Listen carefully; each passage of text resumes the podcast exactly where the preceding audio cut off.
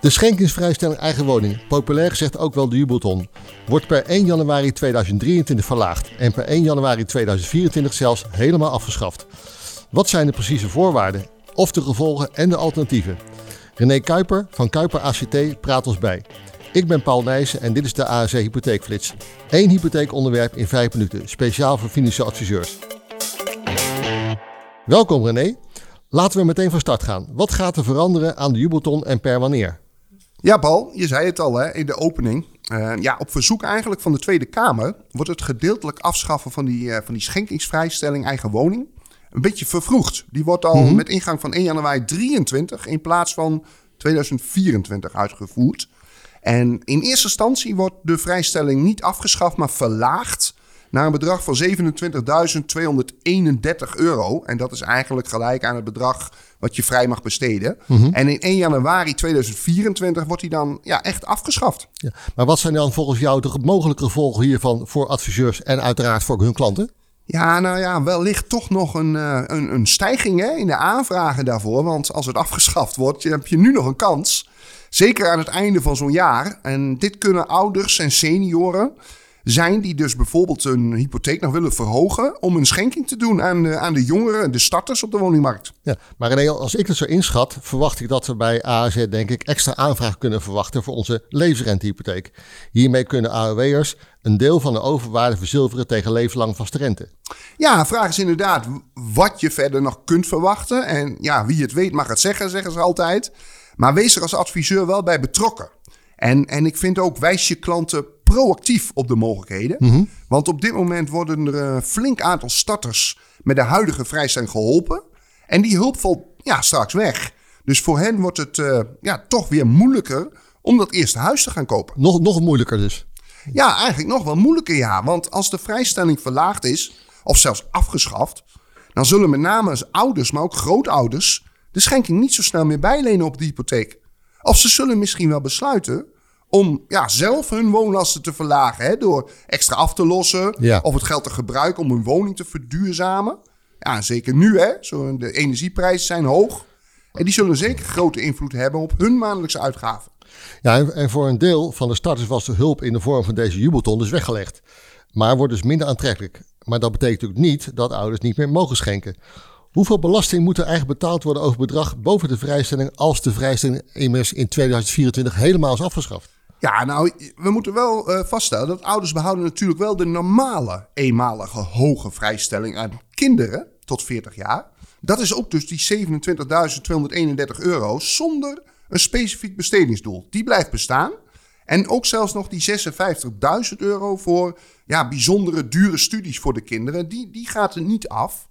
Maar als ze daarboven willen schenken, ja, dan, dan komen ze in het tarief van 10 of misschien zelfs wel 20% belasting, afhankelijk van de hoogte.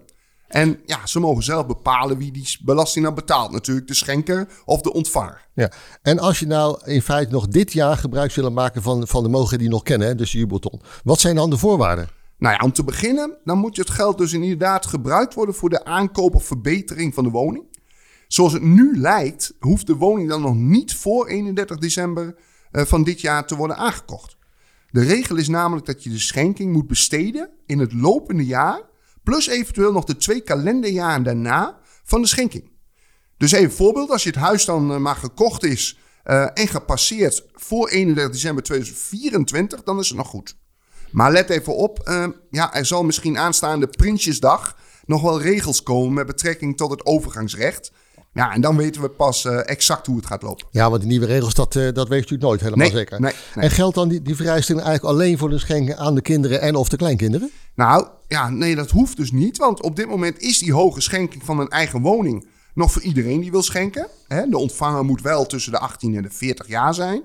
Maar straks, dan, ja, dan zeggen ze dus dat die regeling niet meer geldt. Dus voor een schenking aan een, uh, ja, zeg maar, niet-ouder zijnde aan een ander, ja, dan geldt alleen nog maar die vrijstelling van ongeveer 2200 euro per jaar. Mm -hmm. Dat is niet veel. Nee. Maar, maar Paul, als ik dan toch nu aan het woord ben, als ik een tegenvraagje aan jou mag stellen. Hè, hoe, hoe gaat ASR in zijn acceptatietraject om met schenkingen?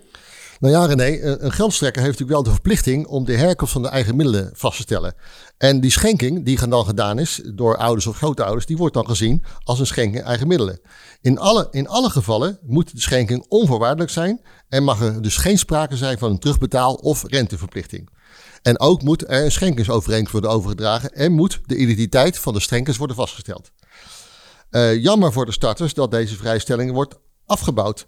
En als ze dan toch een huis kunnen kopen, zal het vaak zijn met maximale financiering. En om de maandlasten dan voor een bepaalde groep toch nog betaalbaar te houden, biedt ASR de mogelijkheden van de ASR startershypotheek, waarbij klanten in zelfs 40 jaar kunnen aflossen in plaats van 30 jaar. Dat kan met de startershypotheek. Wat vind jij van die oplossing, René? Ja, die startershypotheek, dat vind ik eh, wel een uniek product. En ook een, een slimme manier om de maandlasten te verlagen. Uh, ik weet dat er niet veel bekendheid is onder alle adviseurs, maar uh, eigenlijk moeten ze daar zich in verdiepen. Want doordat je wel aflost, behoud je de klant wel het recht op volledige renteaftrek. Maar toch verlaag je de maandlasten door die langere looptijd. Ja, wat mij betreft een heel mooi alternatief voor wat heel veel adviseurs nu al doen. Dat ze dan een deel aflosvrij doen. Dus een oplossing die wat mij betreft wel goedkeuring verdient. Wilt u als adviseur meer weten over de levensrentehypotheek of de startershypotheek van ASR? Kijk dan op ons extranet cockpit. Daar vindt u alle informatie die u als adviseur nodig heeft. René, ik wil jou bedanken voor de bijdrage aan deze podcast. Graag gedaan, Paul. En wie weet tot de volgende keer. Ja, en wilt u nu meer van onze andere podcasts beluisteren of interessante onderwerpen over hypotheken horen? Kijk dan op de hoofdpagina van Spotify of Apple Music of beluister het via onze website. Deze informatie staat ook in de beschrijving van deze aflevering. Dankjewel en graag tot de volgende keer. Vind je deze podcast interessant? Abonneer je dan op de ASR Hypotheekflits. Dat doe je op de hoofdpagina van de podcast. Klik op abonneer of follow en je ontvangt automatisch een seintje als er een nieuwe aflevering is.